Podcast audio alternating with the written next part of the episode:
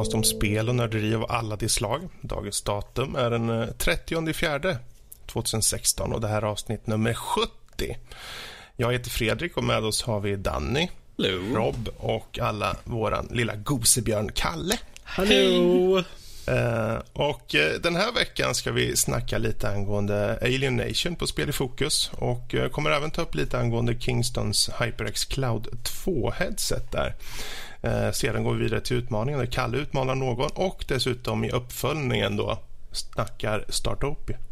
Oh, jag är på att svälja min egen tunga där. Startopia. I spelnyheter kommer vi snacka lite Nintendo NX, Battlefield som komma skall och Radeon R9 490X som har lite intressanta fakta om sig. På veckans diskussion kommer vi snacka om Beta Early Access om huruvida det är den nya tidens demo eller ej. Och eh, sen på lite övriga nördämnen. Lara Croft, Punisher, eh, Steam kommer ge ut lite film via Lionsgate. Och eh, ja, Captain America, Civil War. Och så lite lyssna-mail efter det. Bra, men eh, eh, vi låter väl det bli startskott här på Spel i fokus. Vilket är egentligen bara jag då idag. Spännande.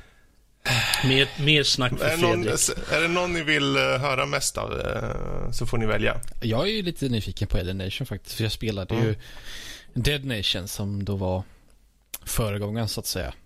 Precis. Spirituell uppföljare skulle man väl kunna säga att Alien Nation är. Exakt. Nej, men det är ju precis. De, uh, House Marquee som har gjort det här då, en studio som jag har lärt känna egentligen på senare tid. För jag, de är ju en eh, Playstation-studio ehm, med till exempel Resogun och de här titlarna.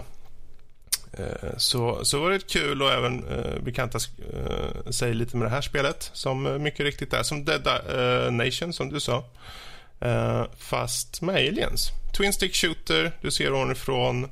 Eh, det kommer implementeras stöd för lokal co-op framledes enligt eh, utvecklarna. Dock inte i nuläget, vilket var lite tråkigt när jag äntligen fick över norsken faktiskt för att lira det. Så gick det inte. Eh, men det har ju då online-möjligheter, så det är väldigt enkelt att hitta folk och de kan, om du kör en, en singelmatch så är det ju enkelt för folk att hoppa in. Eh, det har ju lite så här, man ska säga RPG-element i sig. Det uppgraderar eh, lite olika saker i arsenalen och så vidare genom mineraler eller vad man nu ska säga, resurser som du hittar. Eh, och eh, jag menar, det är inte så, vi snackar inte något super eh, eh, svårt spel att försöka förklara utan du springer runt och skjuter allt som rör på sig. Så enkelt är det. Eh, och ju längre in du kommer, desto lite tuffare blir det. Och det finns tre svårighetsgrader inledningsvis, tror jag det Eller ja, det är två egentligen, men du låser upp en sista sen, tror jag jag har ju dock kört för skojs skull på, på det lägsta från start. Eller nybörjare egentligen då. Vänta, vänta, vänta. vänta. Så du säger att det jag kom över och testade var absolut lägsta svårighetsgraden? Mm. Wow, jag suger verkligen på det här spelet så fall. Det är ingen som är förvånad, Danny. ja. ja. men jag, jag, jag tänkte jag, ska, jag kommer förhoppningsvis göra en mer uh, thorough uh, genomgång, recension av det här framledes. Men vill ge lite intryck hittills. Uh, kontrollerna sitter väldigt bra, måste mm. jag säga. Men de har lite som, de, man har så här special uh, skills liksom. Man kan få upp en sköld eller man kan få lite, för det är ju tre olika uh, klasser i det här. Och den jag valde var en tank, så man kan få upp en sköld. Och de sitter liksom på, på de här, uh, ja, de här fyra XO-knapparna där till exempel. Och touchknappen.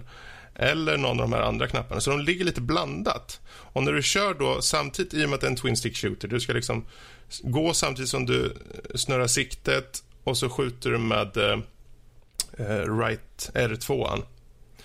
Eh, då blir det ganska svårt att samtidigt trycka ner någon av de här små knapparna när du ändå ska styra gubben. För om det kommer en hel hord av aliens, då vill du gärna ta dig ifrån.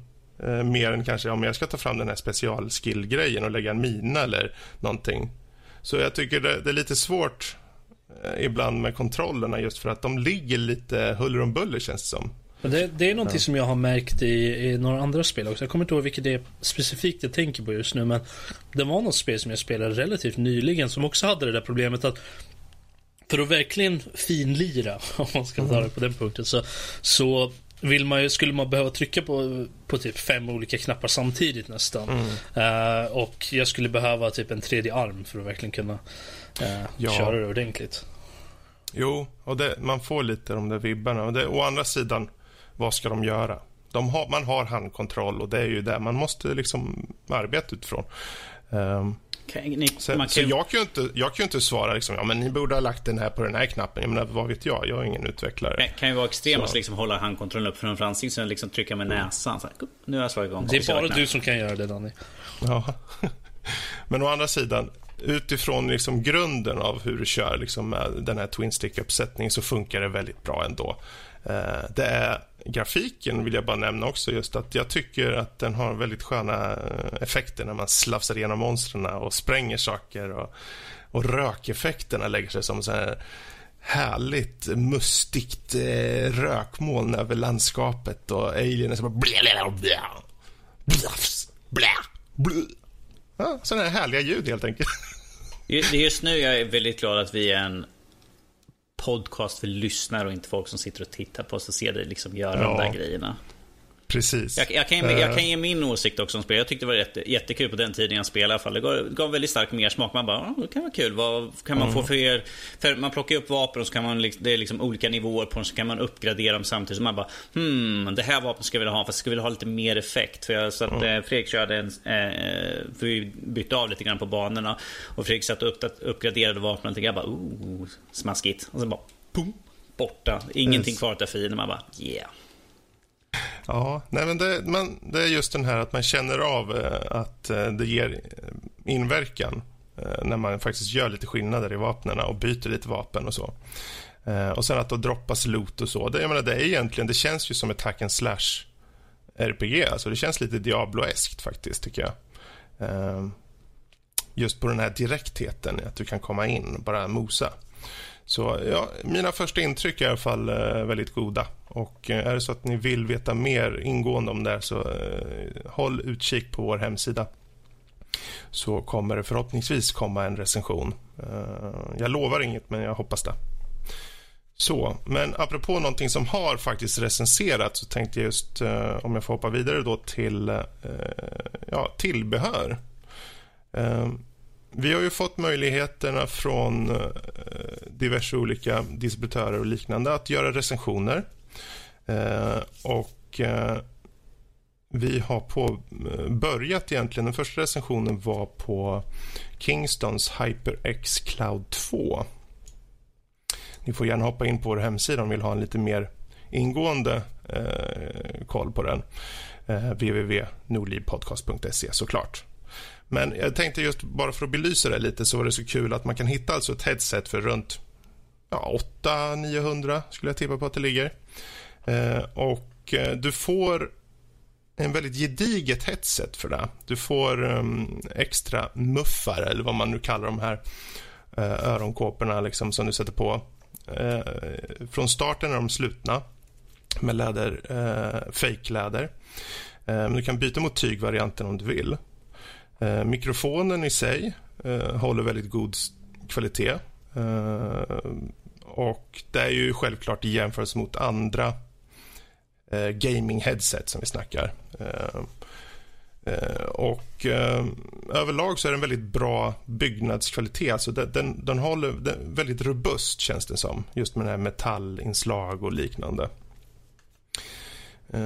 Och om man skulle titta just på, om man ska försöka få ner just plussen och minus på de här så är det just den har väldigt bra kompabilitet mot konsoler så vill du sitta och lira på din Xbox One och sen hoppa över till PCn så är det lätt, smidigt. Uh, även om du behöver i så fall, uh, det kan man ju också säga att sitter du på en Xbox One så kolla vad du har för någon handkontroll. Har du den gamla varianten så behöver du köpa en stereoadapter. Har du den nya så har den en 3.5 mm ingång. Eh, jag har tyvärr inte det såklart. Eh, men jag har kört en hel del på PS4. Och det funkar skitsmidigt. Gör det. Den får jättebra ljudkvalitet i mikrofonen också, vilket är klar och tydlig i samtal med kompisar och så. Eh, så den, och det är ju det är också en sak i och med att den har en inbyggd noise cancelling liksom, i mikrofonen och det är tydligt då. Mm. Har du en fråga? Ja, jag tänkte bara värt att nämna ju att de är ju ganska mm. jämförbara med de lurarna jag sitter med och det är ju Q-Pads eh, QH90. De är egentligen samma lurar. Eh, när man kommer ner till det, alltså de är ju nästan samma sak. Eh, jag tror nästan att de är tillverkade av samma, mm. alltså de är ja, samma tillverkare, bara att det är olika branding då. Um, men den stora skillnaden är ju att med Q-Pads Q90 så följer det inte med dels inga extra muffar, men sen så inte tror inte det följer med några extra muffar. Ah, ja, nu, nu förrättar mig själv sen. Men inga extra muffar, men sen så inget USB-ljudkort heller.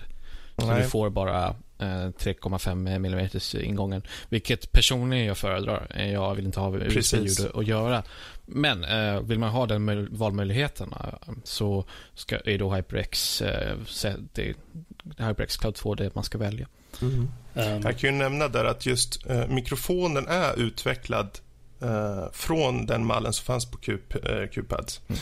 Men är ett par snäpp bättre. Mm i kvalitet utifrån vad jag har läst. Eh, ni får självklart jämföra själva på det. Jag har inte haft någon möjlighet att testa just om du har, så jag kan inte svara det. Men eh, i och med att Kingston tog kontakt med QPad eh, och skapade den här och sen framförallt utvecklade mikrofonen framförallt i den nya så är det egentligen det som är den enda skillnaden rent eh, hårdvarumässigt. Annars är de faktiskt identiska, precis som du säger. Eh, just den här 7.1 eh, USB-ljudkortet är ju på gott och ont. Eh, du blir ju låst bakom den eh, på dels när du ska göra inställningar så är det ju egentligen via den som du enbart har eh, möjligheter då att göra. Eh, du kan göra lite grövre inställningar men det är i princip den som styr det. Och den har ju egentligen, det är ju den här plus minus på mick och volym och inget mer. Jag hade skulle vilja sett något medföljande program, equalizer, någonting man kan se över, kanske basen och liknande. Eh, för om man tittar just på kvaliteten på registret på den så håller den väldigt god standard. Jag menar, det är 800-900 spänn, så det är inte no, liksom, den ligger ju inte i high-end-skiktet eh, eh, rent pengamässigt. Så det är ju mycket man får för pengarna. Men man märker av lite i basgången på, det, på de väldigt lägre registret att den slår igenom ibland. Det kan få viss distortion. Eh, men i övrigt på mellanregistret, väldigt bra. Eh, förvisso lite diffust kanske på diskanten ibland, men då ska du ju å andra sidan lyssna mycket på musik för att känna av det. Jag tyckte det var bra i alla fall. Precis. Det enda uh, som egentligen jag tycker är jobbigt med dem är att har man micken inkopplad till exempel, nu har inte jag den men nu längre, men har man micken inkopplad så kan jag inte ändra på ljud, ljudnivån på själva mikrofonen. När jag har, I alla fall inte när jag har det via USB. Precis.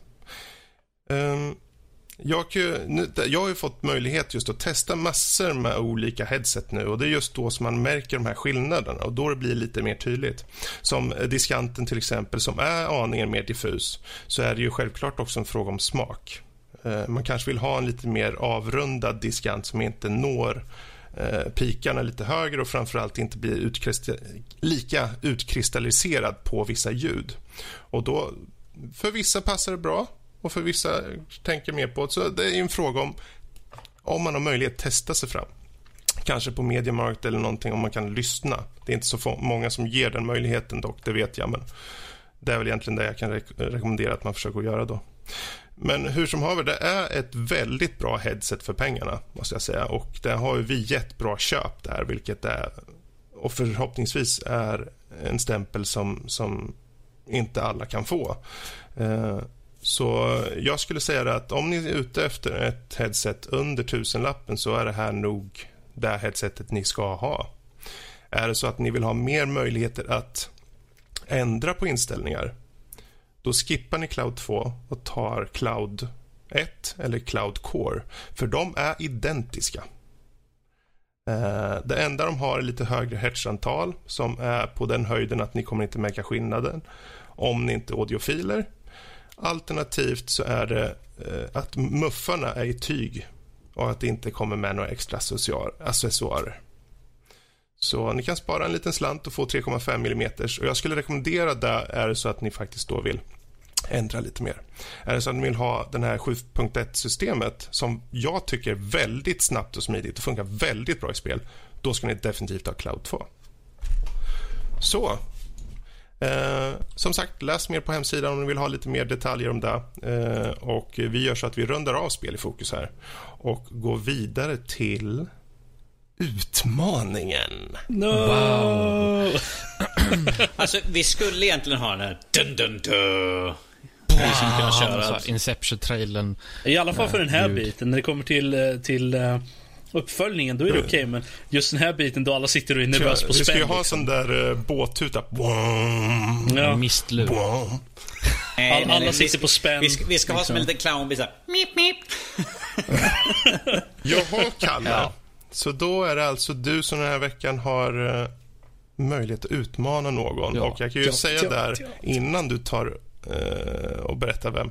Det här är ju alltså den biten där vi utmanar varandra på spel.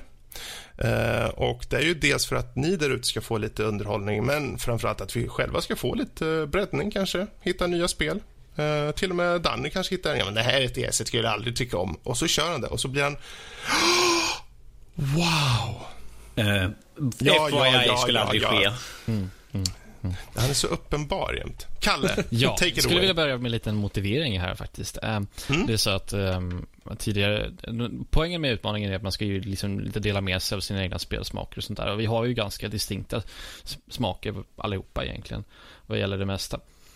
Och här är det ta samma tanke egentligen. Jag ska få dela med mig av någonting som jag själv uppskattar väldigt mycket men kanske inte riktigt är eh, faller alla i smaken. Men eh, jag ska börja med vem, vem jag ska utmana och det är ju då Fredrik. Oh. du ska få spela Insurgency. Kul. Mm. Bra. Det har mm. vi ju pratat om innan. Jag vet inte om du minns vad det är för någonting.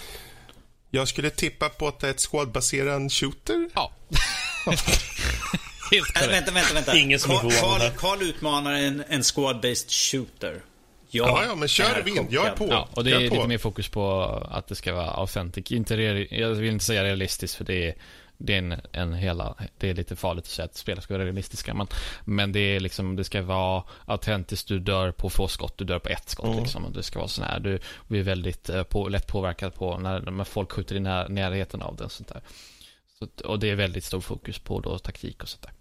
Så Insurgency. Och jag kan ju nämna det redan nu om det är någon annan som mot förmodan låter tycker det låter intressant så finns det då på Steam för 15 euro. Så det Bra. Jag, jag ser faktiskt fram emot att se vad du har att säga om det. Det ska bli intressant att sätta tänderna i. Um, bra, då har vi alltså mig själv som ska spela in Surgency som vi följer upp på om cirka 4-5 veckor. Um, och uh, ja, där har vi blivit utmanade och det betyder att vi går vidare till utmaningsuppföljningen. Mm. Kalle, då är det alltså Startopia som vi har här. Äntligen, efter lite om wow, men. jösses. typ sju veckor sedan vid det här laget. Ja, ja. I alla fall, eh, Startopia då. Om man börjar från början, Startopia är ju, är ju då ett eh, inte city, men det är ett managementspel i rymden i alla fall. Station mm. management får man väl kalla det i så fall, för det är ju en rymdstation. Ja, ja precis. Um, och uh, du, du styr, det du styr är ju egentligen byggnaderna du skapar. Du styr ju inte eh, liksom karaktärerna, aliensarna i sig, utan du bygger faciliteter för dem. Eh, jag för mig att det är typ något i stil med att amen, det har varit ett stort galaktiskt krig och sen i efterhand så är det din, din, din uppgift att bygga upp stationer där aliens kan då bo nu då?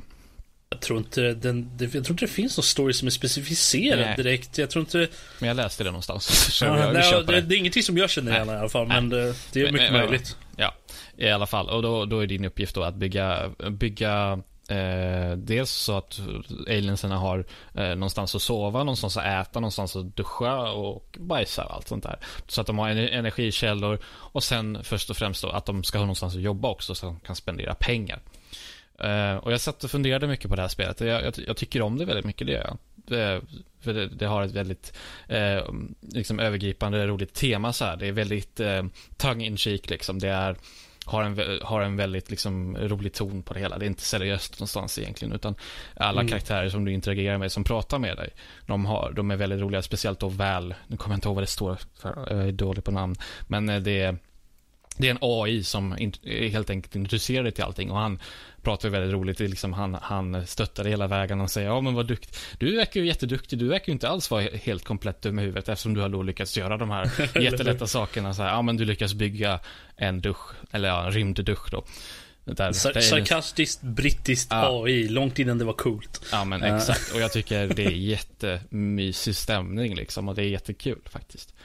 Um, och det är liksom inte mer att säga där egentligen. Det är managementspel, väldigt mysig stämning sådär. Du tradar ju då fram och tillbaka. Och eh, tanken är ju då att du ska eh, det du ska uppnå då är ju att dels att du ska växa i, nästan hela tiden då och sen så att du ska, du ska ha den här balansen där dina aliens fortfarande kan liksom, de har råd att spendera pengar men de också har jobb så att de kan tjäna pengar och spendera på saker. Och så. Och, och, det finns ju olika typer av aliens. Jag kommer inte ihåg några namnet av dem. Det är inte viktigt. Men det, det viktiga där är ju att då de har olika egenskaper som de är egentligen bättre på olika saker. Det är egentligen det som är viktigt där. Eh, och, och, så. Och jag vet inte. Mm. Det är... Hur ser du på, för det här har ju ett par, förlåt mm. jag bryter in där. Ja, det här har ju ett par år på nacken. Och jag är bara nyfiken, för du har ju, antar jag, kört en del managementspel som har kommit så till exempel. Men hur står det här sig mot idag liksom? För det här kommer runt 03 eller något liknande. Ja, exakt. Det är gammalt är det. Ja, grafikmässigt så tycker jag att, att det har faktiskt överlevt väldigt bra. Det har åldrats väldigt bra faktiskt. Eh, för att texturerna i sig, de är ju högkvalitativa på så sätt att de är ju fortfarande, de är ju liksom platta. Det är ju inte att de har någon slags eh, djup i sig. De är ju väldigt platta. Men de har ändå, ändå, ändå ganska mycket detalj för att vara ett sånt gammalt spel. Vilket då innebär att, att de ska, texturerna skapades på ett sådant sätt att de liksom skulle vara skalbara, så att säga, eller vad man ska kalla det. Ehm, det som eh, man märker att det är gammalt på är väl kamerakontrollerna i så fall. Eh, och jag märkte det att jag jag kom, eh, höll aldrig riktigt med på det sätt man styrde på när man liksom ska, när man scrollar så höjer man, liksom, det är inte att du har Eh, att du alltid ska peka neråt sådär som man gör klassiskt i, i, i typ citybilder och sånt där. Utan när du scrollar så höjs ju kameran upp och ner som man kan tänka sig. Men det är liksom eh, väldigt svårt att manipulera kameran på ett så naturligt sätt skulle jag säga. Alltså, det, är inte, det är inte uppenbart hur man gör det liksom. Utan, eh, man, får, man får liksom eh, testa sig fram nästan lite grann. Det värsta nog med kameran är ju liksom när när det händer någonting och den drar kameran iväg från den. Mm, alltså mm. när den tar kontroll över kameran. För då ändrar den vinkel ibland, eller vinkeln blir så jättekonstig och mm. ja. Så att uh, den är lite jobbig, men man, sitter man med det, man, sitter man med det i typ 3-4 timmar i sträck så vänjer man sig väldigt fort mm. vid kameran dock. I alla fall kände jag det. Ja, alltså man vänjer sig vid det. Det sagt så är det ju inte, så borde det vara bättre liksom. Och, ja precis. Och det är, mm. ja. Men hur ser du på återspelningsvärde av det här? För det är ju ändå ett managementspel och de brukar ju ha ett ja, relativt bra sådant. Precis, eh, om man då känner sig motiverad. De har ju ett, eh, ett antal uppdrag som man då ska gå igenom. Jag tror det är tio stycken om jag inte minns fel. Ehm, och eh, de i sig har ju kanske, där har du ju liksom satta interaktioner med AIs och andra karaktärer. Eh, så att på så sätt så har du inget speciellt återspelningsvärde för det är samma varje gång. Sådär. Mm, men, okay. men, det, men det är på samma sätt som jag pratade om med City Skyline där tidigare att du lär dig att hantera eh, saker under tidens gång och då har du ju det kvar i bagaget när du testar igen. Så skulle det gå käpprätt åt helvete någon gång så kan man ju börja om och sen ha det med sig. Så det finns ett visst mm. återspelningsvärde i att du kan göra saker olika för att du kan mer och du har med kunskapen att göra saker bättre. Mm. Ja. Vad kul. Kan... Men om du summerar det här lite grann då. Vad, just eh, lite fördelar, lite nackdelar och kanske en slutlig summering för dig. Eh, bra känsla, bra tema liksom, eller eh, mysig stämning skulle man väl säga. Den är väldigt eh, humoristisk och, och, tonen är ju liksom, jag gillar den tonen att eh, när karaktär, det sättet karaktärerna pratar med dig och sådär, speciellt AI, mm. den brittiska AI som heter väl. Uh, jag gillar alltid när han pratar med en liksom, varje gång. Så ska man, då säger han och då uh, liksom, får man någon komplimang. Åh, vad duktig du är att du lyckades bygga en bas. Eller bygga en byggnad. det verkar som att du har alla, alla hjärnceller på rätt plats. Liksom. Det är sådana grejer. Jag vet inte om det låter direkt som komplimang. Åh vad duktig du var. Du byggde en bas. Du har tydligen alla hjärnceller. Väldigt, väldigt nedlåtande och sarkastiska. Men det, det är väldigt mycket backhanded compliments och sådana saker. Men det är det som gör det så pass roligt liksom, att lyssna på. Eh, och det, på, på, på, på, på plussidan där så har det ju åldrats förvånansvärt bra. Det har det. Mm. Eh, för, ja, bortsett, bortsett från kameran. Eh, det är fortfarande värt att spela idag tycker jag, även om det är eh, nu, 13 år gammalt. Så att, eh, men det negativa är ju då just kameran och sen så att det, det återspelningsvärdet, eh, ja det finns ju där men som sagt alla uppdrag är ju satta. Eh, Mm. med, med interaktioner och sånt där och med dialog och sånt. Så det kanske inte är så jättestort eh, återspelningsvärde. Men Mm. jag tycker att det på det sättet jag kan rekommendera att man ska spela igenom det en gång liksom hela vägen. Så att säga. Det tycker jag absolut Mm. är värt just för eh, dialogen och sånt där. Vad kul att höra. Mm. Vad kul att höra. Eh, det här är ju ett spel som finns på Steam idag. Jag vet inte om det finns på något annat format. Men, eh, GOG finns det på om man inte tycker om Steam. Okej. Vad bra. Men där har vi alltså Startopia från Kalle och eh, han utmanade mig på Insurgency så det betyder att nästa vecka kommer jag utmana någon och jag har ju en hel uppsjö med spel som jag bara väntar att slänga ut på er. Så det ska bli skitkul. Äntligen, Rob. Äntligen. Om det blir. Ja, vad bra. Jag, jag blir lite glad faktiskt. Men med det sagt så hoppar vi vidare och vi hoppar vidare till vår lilla, vårt lilla nyhetsankare i vardagen. Vår egna näsvisa kompanjon som för oss, eller eh, ja, han kan rikta oss vägen mot nyheterna.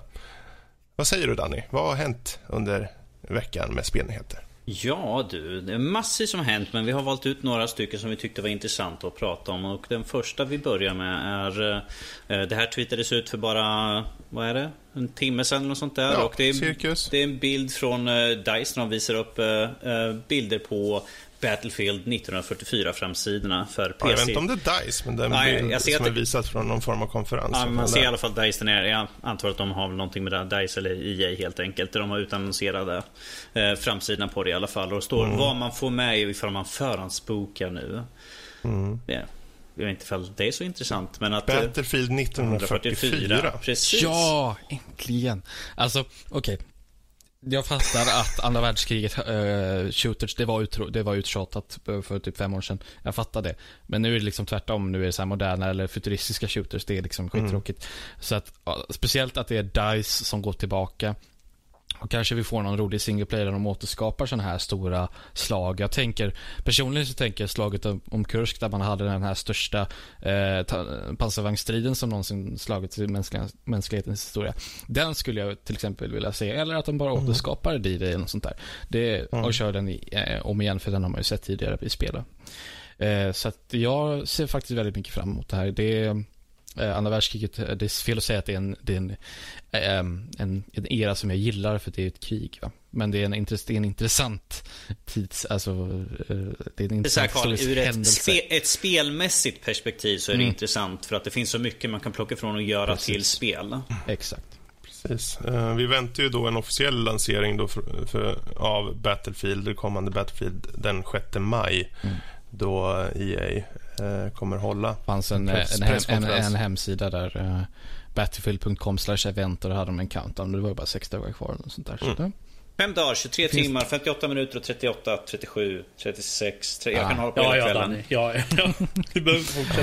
men, Nej, det ska eh, bli jättekul tycker jag ja. också faktiskt. För jag, jag tycker mycket om de här första Battlefield. Jag menar, fan du och jag norsken, vi satt ju med 42 och körde. Gud, vi har spelat skit nu de här. Och vi, Och och, det- vi suger fortfarande på allting som har med dem att göra egentligen. Flyga, snacka inte ens om det. Det var liksom äh, upp och ner Jesus. och så landa någonstans i vatten. Men det, det, är så, det, är så, det är så välkommet, precis som du sa. De har kört så mycket modernt. Eh, modern, liksom. Man tänker, ja, låt kod hålla på med det där. Ni kan gå tillbaka till, till 40-talet och andra världskriget och eh, er an det igen. Det har gått tillräckligt med tid och jag ser inga andra göra. Mm. Så, Eller ja, eh, det är ju inte andra världskriget men eh, Rising Storm 2 alltså. Det är de som har gjort Red Orchestra tidigare. De har ju Mm. Vietnam då. Så det är ju, näst, det är ju lite det, ja. tillbakagång men inte riktigt så långt. precis. Så det är väl det i så fall. Battlefield Vietnam, där har också lite minnen. ja. Oh, ja. Jag kommer ihåg att jag brukade gå till, eh, ett internetcafé i Kalmar och sitta och spela Battlefield Vietnam. För att, men jag hade ingen dator som klarade av det då. Så mm. det var ju kul. ja, det ska bli kul. Vi får hoppas att det visar sig stämma det här 1944. Mm. Bra. Vad har vi mer för nyheter då, Danny? Yes, vi har lite grafikkortssnack här nu och eh, för alla som har lyssnat förut vet att jag är absolut inte high tech på något sätt. Utan eh, jag, jag brukar alltid, ifall jag ska inhandla någonting sånt så brukar jag alltid ringa till Fredrik och fråga så här, du vad fan behöver jag för datorn? Men här har vi i alla fall eh, att AMD har nu utannonserat sitt nya kort Radeon R9 490X med den nya grafikhetsen Polaris 10 som uppenbarligen ska vara betydligt bättre än de föregående och eh, gör att det också blir lite billigare. Så jag tycker det låter bra. Mm. Mer kräm i kortet för ett billigare pris. Vem kan beklaga sig över det egentligen? Det finns säkert de som kan det. Det finns såklart Ja, det finns alltid någon någonstans. jag, jag tycker här... det är trevligt i alla fall. Jag kan ingenting om hårdvara. Liksom. Jag lämnar sånt till min bror till exempel. Han kan ju sånt där. Men eh, precis som Danny. Men uh, det här med en billigare prislapp för bättre hårdvara är ju någonting som jag välkomnar väldigt starkt. För när, när jag väl kommer uppgradera min dator någon gång om hundra mm. år så känns det som att ju billigare sakerna blir, även fast de är nya, desto bättre är det ju för, ny, för folk som kanske inte har så mycket pengar mm. uh, och kunna spara upp för någonting som är som fortfarande ja. är relevant. Plus att eh, du och jag och Fredrik eh, pratade lite grann om att det här, det här är ju inför en storsatsning nu egentligen inför VR. Att ha ett, ett kraftigare kort för ett billigare pris. Och då kan det ju liksom locka folk att ja, men jag har liksom hårdvaran i burken och kan jag skaffa ett VR för att jag vet att jag klarar av det. Och det kan ju liksom sporra folk att kanske, kanske skaffa Precis. in det. Ju. Så jag kan se det är ett stort steg för både eh, konsumenter och för försäljare. Liksom, att vi kan båda vinna på det här. Mm. Precis. Karl, Karl, har du någonting att säga? Ja, alltså det är i ärlighetens namn alla, de flesta av oss de köper ju inte de dyraste, dyraste korten. Och det finns ju ingen anledning att göra det egentligen för att den extra prestandan du får är så pass liten för, det mer, för de extra pengarna du får kasta liksom. Eh, om man kollar till exempel snäppet mellan en 970 och 980, 980 så du kanske får eh, en prestandaökning på typ 20% men så får du betala eh, mycket, mycket mer än så. Det är ju inte en, en rejäl ökning i pris så att säga. Och, och att vi har ett eh, mellansegment där, där du får ett väldigt bra, eh, väldigt bra prestanda för ett väldigt bra pris. Det, det tror jag många kommer uppskatta och det kommer sätta AMD i en sån sits. Alltså en väldigt bra sits så att säga. I och med att eh, det är där de flesta konsumenterna ligger. I, i mellansegmentet så att säga.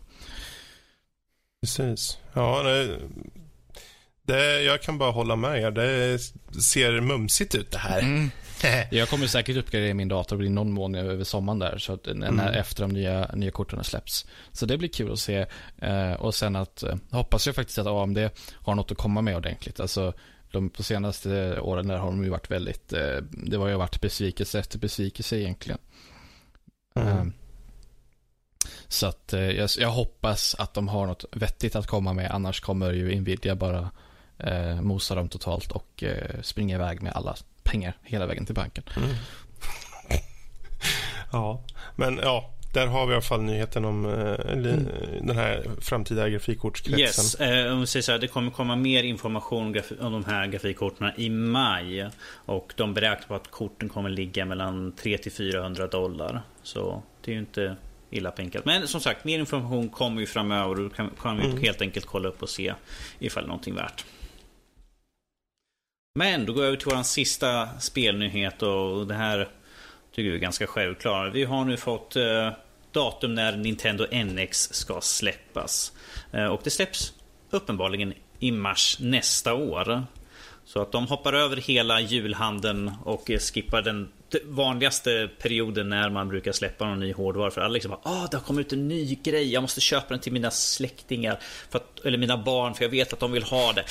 Oh, men eh, vi andra har ju suttit och pratat vid sidan av som vi gör under veckan och sagt att, eller jag har sagt att eh, till skillnad från Wii U som när det släpptes hade ju nästan inga spel som släpptes samtidigt med. Det var några stycken. De utannonserade en hel drös som skulle komma ut men de kom ut jättelång tid efteråt. Det var liksom att ah, men de skjuts upp, det funkar inte riktigt. Och här har de ju gått ut och sagt att de vill ha en hel drös med First Party Game helt enkelt. Och det är därför de skjuter upp för att kunna få den extra tiden att de spelen blir klara och faktiskt mm. kommer ut med konsolen. Vilket är ett väldigt smart drag egentligen. För att släppa en ny konsol utan spel, det är ju ja, jag vet inte. Det är som att köpa en båt utan motor. Man bara, ja, den flyter bra. Mm. Bara driver ut till, till, till havs och försvinner. Precis. Vart är Kalle? Ja, ja. precis. Jag sitter där ute på båten. Det, det enda spelet som är utannonserat just nu, som vi vet kommer, är ju Zelda. För de sköt ju upp det samtidigt. För det ska ju släppas till Wii U samtidigt och nu till mm. NX. Så de sköt ju upp hela det. Vilket de som tycker om Zelda är ju lite upprörda för att de förväntar ju få det här i, till hösten. Men att det är helt enkelt, får ju ta det. Precis. Ja, jag varit ju väldigt eh, ambivalent tänkte jag säga. Inte ambivalent, men jag har varit lite tudelad rättare sagt. För det är nämligen så, jag har jag satt med, ni, kanske, jag, har, ni som har lyssnat har ju hört att jag pratat om eh, Zelda-spel tidigare. Jag har tagit mig an Nintendos eh, 2DS och kört. Och eh, jag har pratat lite på forum, jag har hört efter lite om vilka spel man ska spela och, och så. För jag känner mig som, visst, det är klart jag har, det är ju inte som att jag inte känner till Super Mario och många, jag känner ju till de här stora titlarna och så. Eh, men jag har inte kanske tagit mig an dem riktigt. Och jag har satt här och funderat faktiskt, ja men jag kanske ska skaffa mig en Wii U. Och sen kom den här nyheten. Och då tänkte jag, okej, okay, eh, ja, nej, jag, jag jag, tra, jag håller nog på att till mars faktiskt. För i och med Wii U skulle du kunna köpa titlar i deras Nintendo Store eller vad den kallas. Eh, och lite äldre titlar och så. Och jag har ju pratat med ett gäng, en annan podcast faktiskt som heter Mario och jag. Har jag fått en hel del riktigt bra tips av. Eh, riktigt goda filurer där som hjälpt mig. Eh, och då tänkte jag, men jag, jag ska fan ta mig an det här. Jag ska faktiskt göra det. Så jag tänker, jag ska fan köpa en sån där NX, NX. Ehm, peppar, peppar. Eh, om pengarna finns såklart. Men jag vill det så att vi får in mer Nintendo här. Det känns som det saknas Nintendo. Jag vill ha mer Nintendo. Och eh, då får ni också den här lite fräscha looken på är Zelda egentligen så bra som alla säger det? Nya? Är Metroid bra? Och så vidare och så vidare. Det kommer jag berätta och jag kommer skära eh, pungen av de som, eh, spelen som inte är bra. För tydligen har de pung. Eh, jag vet inte. Men om inte annat så ska det bli kul att följa upp det. Jag vet inte, jag måste ju fråga, ställa frågan då, alltså angående mm. NX, alltså är den, är den siktad på att konkurrera mot Xbox One och eh, då PS4 på samma sätt alltså som, en, som en vanlig konsol så att säga. För Wii U den kör ett helt, ett helt eget race och helt fullständigt i prestanda och alla de här grejerna. Om, om vi säger så här, om de rykt, ryktena som har gått har den sagt att den skulle vara kraftfullare än Playstation 4 mm. ju. Vilket är inte så svårt i det här laget för de är så pass Nej, så den, den är ju tänkt som en genuin konkurrens och mm. det de dels har tänkt med att göra på, som den helt nytt, är att de då ska kunna få in eh, andra också. För till Wii U så fick de ju så väldigt dåligt portade och till slut var det att utvecklarna inte ens ville porta för att det var så krångligt och det, mm. de såg att det mm. fanns inga pengar att tjäna för att ingen köpte spel till Wii U överhuvudtaget. Dels för att de hade den dumma idén att döpa den till Wii U som redan hade Wii och folk liksom, är det bara en uppdatering eller något sånt där? Jag förstår inte. Och det betyder ju att ingen köpte eller ville ha spel till den. Så att eh, de, den är ju tänkt att var en stark utmanare nu till Playstation mm. och Xbox. Precis, men det är ju rent, det är en sak att prata om prestanda. Det är klart att de kanske försöker pressa på, men det har aldrig varit deras grej med Nej. själva prestandan. Det har alltid varit just den här eh, att ha en unik del av marknaden. First party-spelen också dessutom. De har ju sina Precis. IPs. De har ju Mario, Zelda och de Det är det som är problem för att de tredjepartsspelen då, om vi tar till exempel Ubisoft eller något annat sånt här storspel. För de sa ju, de gav ju, gick ut offentligt liksom och sa att vi kommer inte tillverka spel till Wii U. För att mm. deras arkitektur är krånglig och ingen köper. Det är mer eller mindre vad de sa. För att det, det, det fanns inga pengar för dem att tjäna där. Så att mm. de nu gör en helt ny konsol med bättre prestanda gör ju att de kan få de, de mm. stora mm. tredjepartsspelen helt enkelt. Precis. Och kan konkurrera på den stora marknaden helt enkelt. Mm. Alltså, ja. och sen också just det faktum att så som de säger att det ska vara ett helt nytt koncept enligt dem själva, att eh, frågan om det är handhållet eller stationärt är oklart. Mm. Eh, så jag tror att de, de kommer våga sig på något. För det, eh, har, det känns som Nintendo alltid provar. Ja. De, de är inte re, rädda för någonting. De liksom. slog, ju de, en, de de slog en homerun med, med original Wien och den sålde ju som smör under en smörkris. Och, eh, Eh, men sen så kanske de snavade och eh, trillade ner i en koblaja med Windows Wii U istället. Så att, eh, liksom, mm. Ja, det, ska bli, det ska bli riktigt intressant att se vad de kommer med, eh, faktiskt. Eh, tycker jag egentligen. Vad, vad, skulle ni vilja se för spel som, som när den släpps? Vad skulle ni se som spel som kommer på dräkten? Är det något speciellt ni skulle, är det någon spelserie De skulle tänka kommer er? ju släppa de klassiska. Det kommer bli ett nytt Mario Kart. Det kommer bli ett nytt Super Smash Brothers och sånt där. Och det är ju alltid kul. Jag har inget emot dem. Att eh, Nintendo... Super Mario Universe. Exakt. Ja, nej. Eh, Ja, du säger det, Fredrik. Alltså, jag har liksom inte alltid, aldrig haft något emot att Nintendo börjar köra om och om igen på samma koncept. De funkar ju och det är bra spel och sådär. Eh, även om de kanske är lite uttjatade. Så det kommer ju bra det. Men eh, jag skulle ju då vilja se att de får det här tre, tre, tredjepartsstödet. Så att när det släpps ett nytt spel från Ubisoft så kommer de släppas på Playstation 4, Xbox One och eh, Nintendo NX. Liksom. Det skulle Mm. jag vilja se. Inte att de har specifikt spel från, från first, eh, first party då. Utan att Får vi inte någon sån här, och då får vi inte heller någon sån här skum mellanhandsvariant av när Mm. de har- konverterat över till Nintendo. För jag har sett det, vi hade till exempel Batman, det var ju liksom katastrofalt. De, de döpte om till Armor för att man fick lite extra armor för att spelet var ju inte topp S egentligen i sitt utförande. Utan de bara, men titta ni får det här som bonus för att ni köper det på den här. Yay, grattis. Jo, Ja. inte.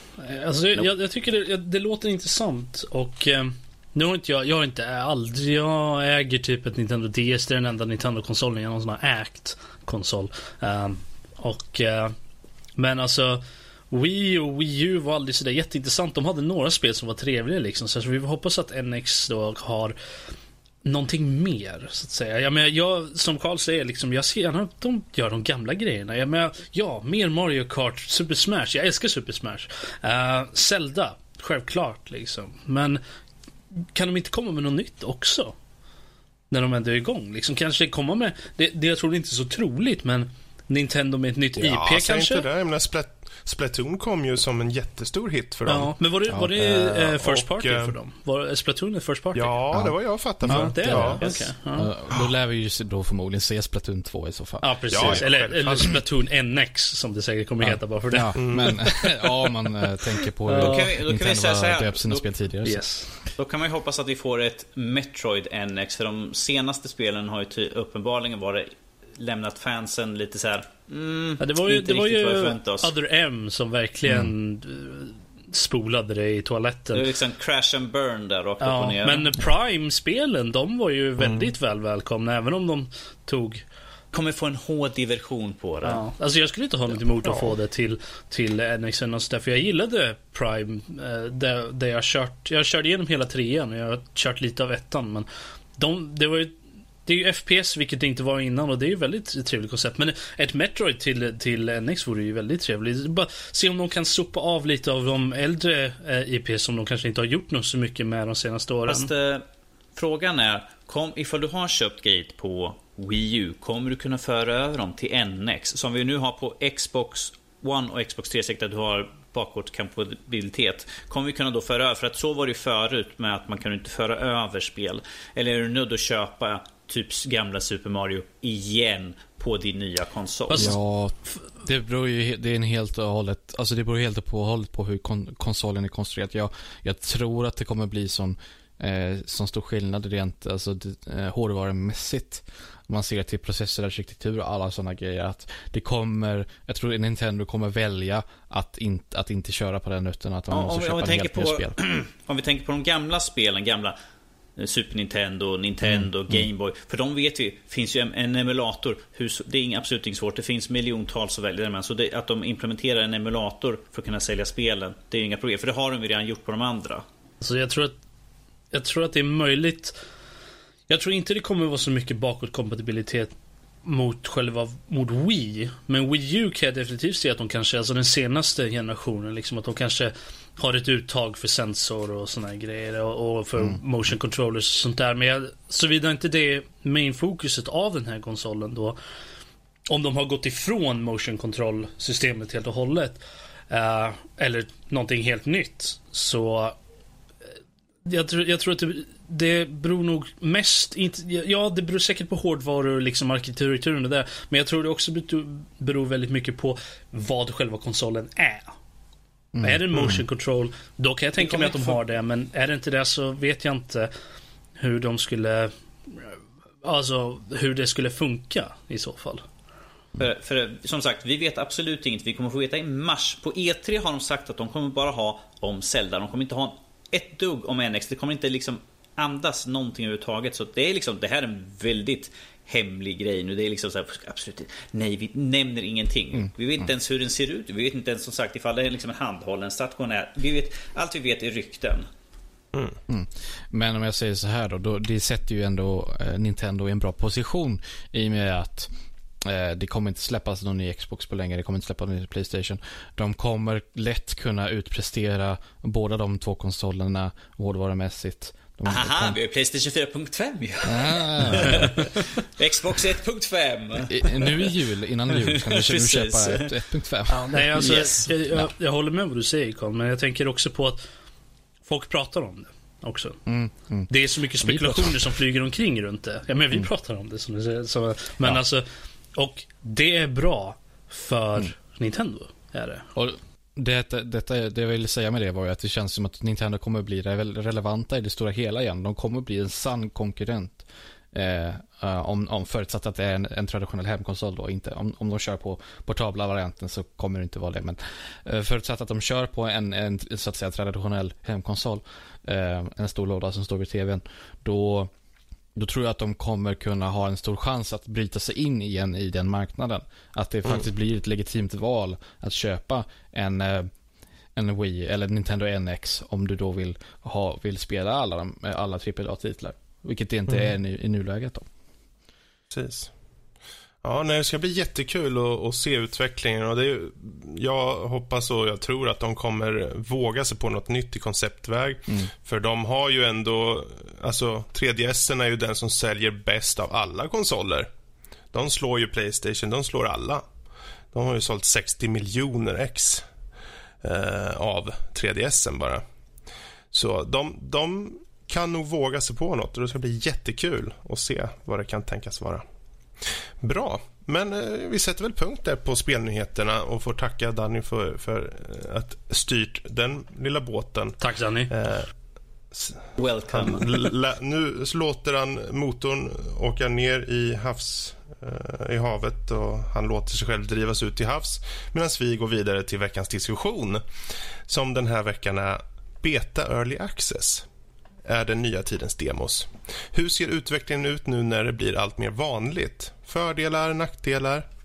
Och eh, Den här frågan uppkom lite när jag till exempel tog och tittade på jag tror det var några MMO, nu kommer jag inte ihåg vilket det var, men det kanske var eh, Guild Wars där det fanns Founders Packs och liknande. Och det är någonting som finns, det finns ju på många spel nu, mm. långt eh, innan de har släppts. Overwatch är ett bra exempel som är relevant nu då, där du mm. har Origins Edition då. Jag tror att det inte går att köpa längre, men om man köpte det innan 27 april så kunde man få Origins Edition då, vilket jag mm. gjorde då. Till exempel. Men hur ser ni på det här med beta och early access? Är det enbart av godo eller vad är egentligen nackdelarna med det? Den första reaktionen som jag har på det är liksom att även fast ett spel kommer ut i beta early access är jag ingen garanti att det faktiskt blir slutfört eller kommer ut överhuvudtaget. Det kan ju gå liksom fuck all och liksom bara skälpa som ett skepp och gå rakt ner åt helvete. Mm. Eh, så på den biten, det är ju ifall man går, köper in sig på en early access, det är lite grisen i säcken ifall det inte ett, ett stort något stort som tar och gör ett early access, för då kommer det troligtvis komma ut Är ett mindre så är det, det ska man vara lite mer försiktig anser jag. Jag kör inte mm. på early access och sånt där för att jag, jag vill ha en produkt som jag vet kommer vara klar i slutändan istället för... Ja. Och plus att vanligtvis ett early access det kan vara hur länge som helst. Det kan ju vara liksom flera år innan det ens är klart. Man bara okej, okay, jag har haft det, året, det här i fyra år nu men det är inte ens färdigställt ännu. Mm. Och till slut blir det att man kanske tröttnar liksom på spelet innan det ens har blivit klart. Jo, men så kan det vara. Men där, ja, och det är ju hur du känner just inför det. Men jag tänker, hur, vad tror du om utvecklingen? Om du bara tittar utifrån och ser att ja, numera har vi beta och vi har jag, jag access. tror att det kommer, kommer bli, det fortsätta? Det kommer eller? bli mer sånt här för att eh, jag ser att företag ser det som en, en vinnande trend. Att det är liksom så som det är just nu. Vi har ju mm. gått från de klassiska demon eh, som till exempel på Xbox. Det senaste demot som kom ut var för Lego Avengers. Sen har jag inte sett någonting. Det, var, det är väldigt sparsmakat. Förr så kunde vi få ut eh, med PC Gamer så fick man med en skiva nästan varenda gång med typ 50 mm. Demos hela tiden. Det är sånt som fin finns ju nästan inte överhuvudtaget. Mm. Det är väldigt ovanligt att när du, när du går ut på ett nytt spel så ser du ladda ner vårt demo. Utan nu är det mer early access eller beta.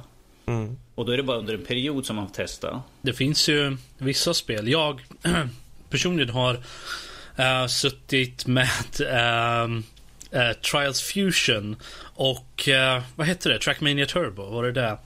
Båda de har demo. Fast demon mm. är hela spelet bara Eh, att det är bara en viss bit som är upplåst. Så att när du har spelat klart demobiten så säger den till dig Hej!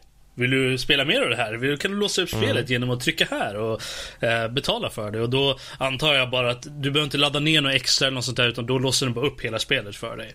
Eh, och eh, jag kommer inte ihåg, det var något annat spel för Det var ju ganska länge sedan. Det var ju väldigt tidigt i 360-runden som Det var något annat spel som hade en liknande eh, process. Om vi säger så, Robert, om vi säger så här att de gamla Doom 1, 2 och alla de klassiska spelen som finns på Xbox, då är att du kan köra en trial helt enkelt. Och sen är det så liksom, nu har du spelat så här långt i spel. Vill du, vill du betala för att låsa upp? Eller att, åh, du har tjänat en achievement. Om du köper spelet kan du få låsa upp den achievement. Ooh. Jo. Nej men alltså jag tycker att när det kommer till demon och sånt där så att det är såklart att jag tror att den största anledningen till att sådana inte görs längre är det att de är lite för stora. Är de. De får inte, det, det, är inte något som får plats på en liten CD-skiva längre som man kan skicka med PC Gamer. Uh, och uh, jag tror inte folk är intresserade av dem heller. Uh, för att det finns så mycket media nu som inte fanns förut. Som man kan kolla på och Så det, det, jag tror inte det, det är något bra. Det, det, är inte värt att lägga de pengarna på att bygga ett demo. Kan eh, beta, uh, det här med, det är så mycket betatester och så. Kan det bli så pass att vi nästan alltid kan räkna med beta i sto kommande stortitlar? Särskilt stortitlar med ett stort uh, multiplayer-fokus. Kan utvecklingen bli på det sättet? Alltså jag kan ju tänka mig att det är säkert så för att uh, dels så behöver de ju kolla såklart att det funkar. Som med Doom och, och, och, Halo liksom och sånt där. De gör ju alltid de har ju gjort betatest. Halo har i alla fall gjort det sen Halo 3 tror jag. Mm. Och då har de ju gjort liksom så att de kollar för att det ska klara av det. Och det är ju det som betan är framförallt när det kommer till multiplayer i alla fall. Mm. Um, så det kan jag nog förvänta mig. I alla fall de stora som, som verkligen är ute efter att ha massive multiplayer. Liksom, där det är massor med mm. folk som ska köra. Um, vare sig det är uh, versus eller co-op eller sådär. Så att, det... för, för, jag men, för jag menar, det hade vi förr. Vi kunde få liksom demo för multiplayer eller eh, single player förut. Nu är det ju som sagt, som du säger, det är liksom bara multiplayer. Det är ju bara de här stora spelen som egentligen har någon typ av beta och sånt där. Det är ju väldigt sällan du får en single player ifall det inte är en trial. Helt enkelt. Mm. Vad säger du då, Kalle, just med beta och early access och hur utvecklingen kan tänka sig ut framledes? Kommer det fortsätta så, tror du, eller kommer det hända någonting på marknaden som kanske förändrar det? Det är ju bara spekulationer från min sida, men jag tror att det mm. kommer nå en, liksom en, en, en, en punkt eh, där folk liksom lite får nog.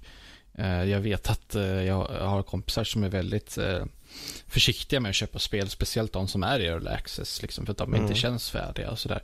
Så jag tror ändå att även om utvecklare i nuläget tjänar mycket pengar på, på early access, att de släpper ett ofärdigt spel och folk är villiga att betala på det, tror jag det kommer till slut någon sån, det kommer växa och sen till slut kommer nå en punkt och sen kommer det dö ut liksom, för folk får mm. nog så att säga. Spel som anses vara färdiga släpps ju i ofärdiga idag redan som det är, liksom, som det är nu. Jag tror att eh, till slut så kommer folk tröttna. Liksom. Mm. Ja, och jag tänker själv när jag har suttit nu, på sistone har det varit väldigt mycket betan. Uh, det var Gears of War 4 betan och det var Jag hade, jag vet inte hur många betanycklar jag har fått. Och jag har helt enkelt inte hunnit ta mig an det, för det har ju varit under en helg eller något sånt där liksom. Och det är ju, folk kan säga, ja men det är klart du kan hinna med det, det är ju bara att köra en kvart. Ja men man vill ju få en lite större insikt och så. Och det är de tillfällena som jag går tillbaka till Steam och tittar. För Steam, eller ja, de är inte ensamma, men det här med att de har en fri helg ibland. Där du egentligen får hela spelet känns det som i många fall. Liksom, du får ta dig tur med spelen. Oftast är det ju mer multiplayer-fokus eller kanske co-op eller liknande. Men du ges tillfälle att ta dig an spelet liksom. Och kan verkligen nöta igenom det om du vill. Jag menar Call of Duty har haft så, många RTS och andra, många typer av spel. Jag kan tycka att det nästan är en roligare väg att gå. Eh, för i alla fall för min del. Som att jag kan se, ja men nu har jag det här, jag behöver inte liksom skynda mig eller någonting. De kanske har en lite större period ibland eller eh, jag faktiskt får hela spelet till och med. Um, hur, hur, är det någonting ni har hunnit testa, någon sån här frihelg och liknande som finns på till exempel Steam? Ja, det var ju ganska nyligen som vi körde Rainbow Six uh, Siege. Uh, med, med några polare och vi, vi hoppade in fyra stycken och det, det fick man ju definitivt mer smak. Just då så, så kände jag att jag inte hade råd att köpa det. Men jag kommer mm. definitivt köpa det i framtiden. Um, och det är så här, det var, det var ju jag tror de tjänade väldigt mycket på att ha en free weekend på Rainbow mm. Six, Six Siege där. I och med att det är ett multiplayer-fokus då. Och det är ändå ganska invecklat och det finns mycket att lära sig, mycket att göra. Och det är uh, en ganska bra tagning på det Rainbow Six-konceptet då. Mm. Så just i det fallet så tror jag att det var väldigt, väldigt positivt. Och det sköna är ju där att här snackar vi alltså spelet är färdigutvecklat mm. framförallt. Det är ju den stora skillnaden. Ja, inte early access, det är inte beta. Det har varit ute några månader också som har ju putsat mm. till det också. Precis. Att, att de liksom har intervaller, att de kanske har en fri helg då och då, spelutvecklare. Eh, att de får ges den möjligheten. Där kan jag tycka nästan mer fördelaktigt än att de släpper ut en väldigt early access där man får en skev bild av vad kanske spelet kommer bli då i slutändan.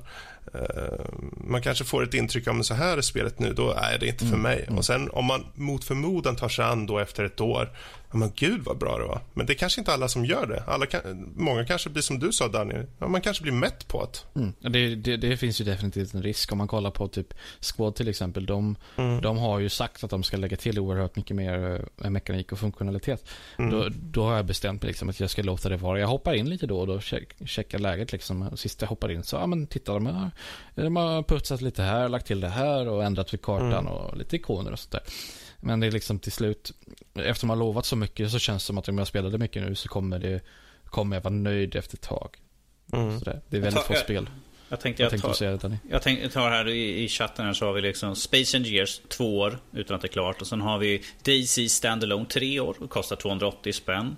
Mm. Eh, och sen har vi här utav Frosty, så här, eh, han skriver så här. Jag tycker att det är både bra och dåligt när det är early access. Bra för att man kanske hjälper till att skapa spelet och dåligt för att det kanske inte blir klart. Vilket mm. är ju en risk som klart mm. med early access helt enkelt. Du kör vi grisen i säcken. Men så är det ju eh, när du tar och eh, fundraisar ett spel helt enkelt ju. Mm. Jag, jag, man vet ju aldrig. Alltså jag har hört riktiga såna här horror stories. horror stories, jag vet inte riktigt om det räknas som det, men såna där. Ja, man blir så, åh nej, jag kan inte göra det här igen någonsin. Nej men, eh, nej men så stories där, där det är verkligen så här, spel som verkligen ser så stora scopes i och verkligen så här, verkar vara väldigt professionella som helt enkelt inte blev någonting. Det bara fissade ut i slutet och vart ingenting av det. Även fast de hade Kickstarter och Early Access och allt sånt där. Uh, och samtidigt ser, men det är ju bara ena sidan av, av, av liksom myntet så att säga. För på den andra sidan har man ju de som är lite mer success stories. Där, där spel faktiskt blir utvecklade och, och kommer någon Ja, vi har ju sådana saker som Space Engineers och DC som har varit i development extremt länge. Uh, utan att, men de har ju faktiskt kommit någon vart i alla fall. I alla fall Space Engineers har ju definitivt fått en rejäl facelift sen. Um, och, och inventory utveckling. Uh, liksom sådär, sen. Jag, vet, jag vet ju folk som har spelat Prison Architect. Vilket är nu uh, släppt i alla fall. Ja, släpptes i somras tror jag. Precis. Och jag vet massor med folk som har tröttnat på det. För de, de spelar under hela tiden de utvecklas. Mm. Till slut var det liksom, ja de kommer med lite uppdateringar till och från. Men det, det, det, är ingenting som lockar längre efter att det har varit så. Jag tänker ta, jag tar en till här från chatten, från Gluehead. Han skriver så här om Free Weekend. Fast samtidigt kan ju en Free Weekend även vara något negativt i den aspekten att man blir intresserad av spelet och känner sig tvungen att köpa det i och med att man gainar lite levels och därav nästan till känner sig tvungen att köpa spelet. Jag, jag kan förstå det ifall man, eh, för jag vet att en del spel har ju den här att du kan tjäna nivåer men sen är det liksom så ja ah, men du är i fria period men ifall du vill så kan du köpa spelet nu så får du behålla där, så långt som du har kommit. Vilket känns lite mm. som ett fult knep egentligen men det är försäljning A och O liksom. Ja, alltså de vill ju sälja spelet. Det är klart att de vill ge någon fördel till den som faktiskt köper spelet då när han eller hon kör det. Så det kan jag förstå. Och det, visst, där får man, där får man själv tänka efter. Liksom, är det värt att köpa det i, i det tillfället? Eh, men å andra sidan, har man bitits av den där lilla buggen i stjärten som säger oh, du, det här är ett bra spel, det här vill du köra vidare på. Ja, då, Men då, kanske man ska då kan vi samtidigt ta att det finns ju väldigt många sådana här, eh, när de har eh, betatester och sånt där, att de säger att det du går upp i spelet överförs inte till det fulla spelet, vilket är rätt mm. bra. För att där har de liksom från direkt en statement att oberoende på hur mycket du spelar nu, hur många level och sånt, det förs inte över. Jag tror att hade inte Destiny någonting sånt? Ja, för mig. Doom hade ju definitivt det. Ifall jag inte missminner precis. För där står det som att där du tjänar eller något sånt där, det kommer liksom inte föra över till det fulla spelet när det mm. väl kommer ut. Även ifall du sitter och spelar som en idiot och liksom uppe i level 100 och sånt där. Då, bara, ja, då har precis. du bara mer tid att spela när spelet kommer ut till 100%. Så ja, det, det, det, finns fördelar och det finns nackdelar. Jag, menar, jag, jag köpte ju Ark, heter det Survival mm -hmm. Evolved, det här med dinosaurier. Yep. Och körde ju skiten ur det verkligen. Uh, och uh, sen så släppte jag det. Jag kände mig väldigt klar med det. Jag har inte rört det sen dess och jag vet att det kommer jättemycket uppdateringar. Men jag är bara inte intresserad av det längre. Men Fredrik, när man, när man kommer till sån punkt uh, så jag tror att, jag tror att det är risken man, man har när man tar ett early access-spel. Men jag känner ändå att du äger ju redan spelet då. Så att du behöver ju inte tänka på att åh, jag kanske måste, kanske behöver köpa det här. Ja, jag menar inte att det är en fördel nackdel. Jag menar bara nej, just nej, att det kan min, vara min en sak som kan Nej, nej, jag, liksom. jag förstår vad du menar. Jag vill bara göra poängen att Även om du, för jag, jag ser det, jag, jag, kan förstå det med många early access-spel att du spelar skiten ur det tills, tills du helt enkelt inte finns något kvar att göra egentligen i den versionen som du sitter i. Um, och sen känner du att nej, jag orkar inte, uh, orkar inte köra mer eller vill inte köra mer just nu. Då tyck, tänker jag liksom att det kan ju vara värt att vänta då tills spelet faktiskt släpps. Även om det är ett, två år ner längs vägen. Liksom. För då vet du i alla fall att det har hänt väldigt mycket under tiden. Då kan du gå tillbaka och göra en liten fresh eh, koll bara och se om det är någonting som du, man skulle vilja mm. göra igen. Det är inte säkert att man kommer ihåg att göra det, men det kan ju vara värt att kanske tänka på det. Nej, ja, fast för, det här är ju också en fråga om hur man är som person. Jag vet för min del, jag har, kommer aldrig ha tid för jag vet att det kommer komma så många andra spel under den här tvåårsperioden. Så jag kommer personligen skita i det spelet då.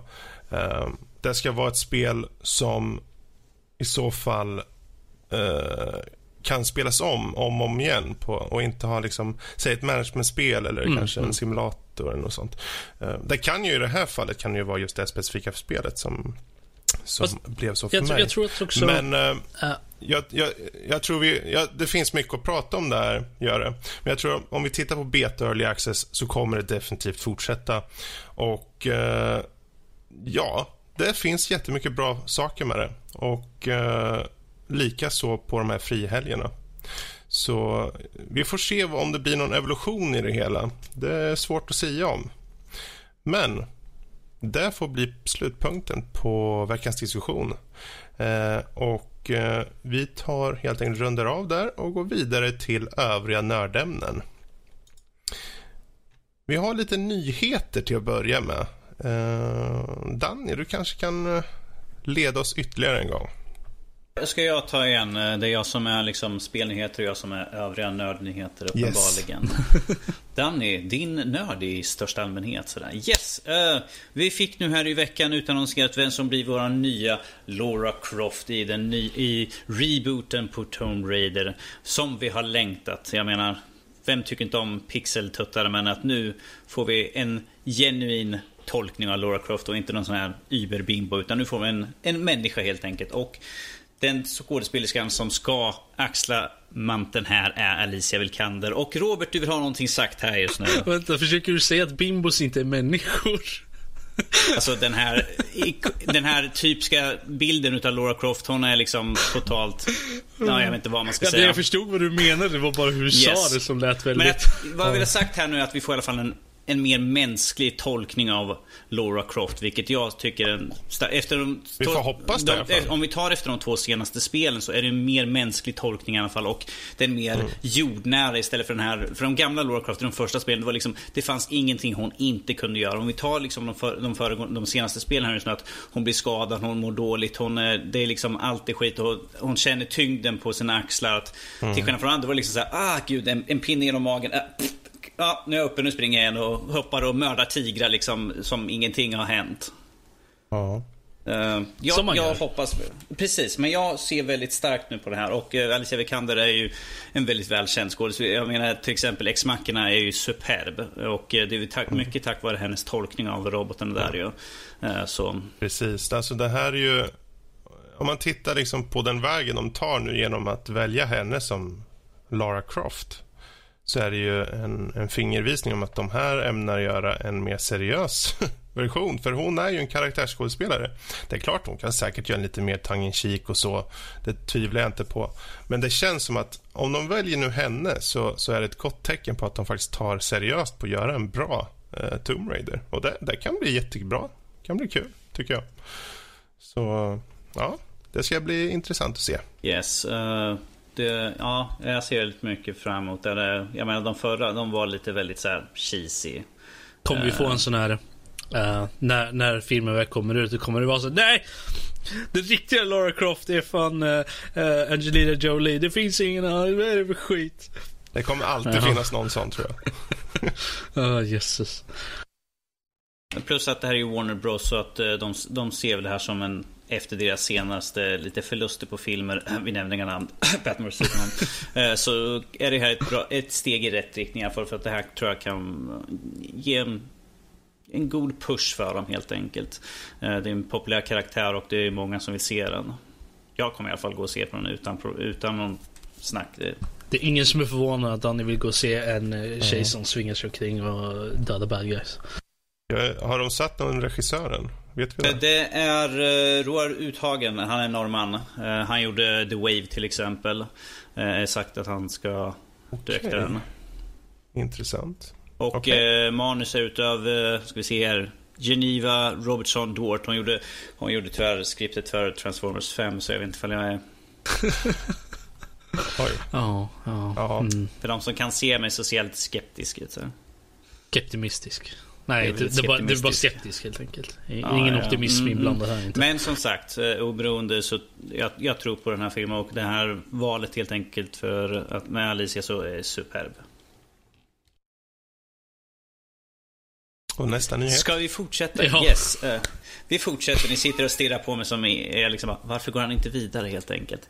Yes. eh, Netflix här nu kom vi in och en Daredevil spin-off med The Punisher. Helt enkelt. De har utannonserat att de vill ha mer och jag tror att folk har sagt att de vill ha mer. Och eh, nu får vi helt enkelt en liten spin-off med The Punisher. Ja, med, Som spelas av John Burn, Bernthal. Hur fan man uttalar hans Bernthal. Bernthal. Bernthal.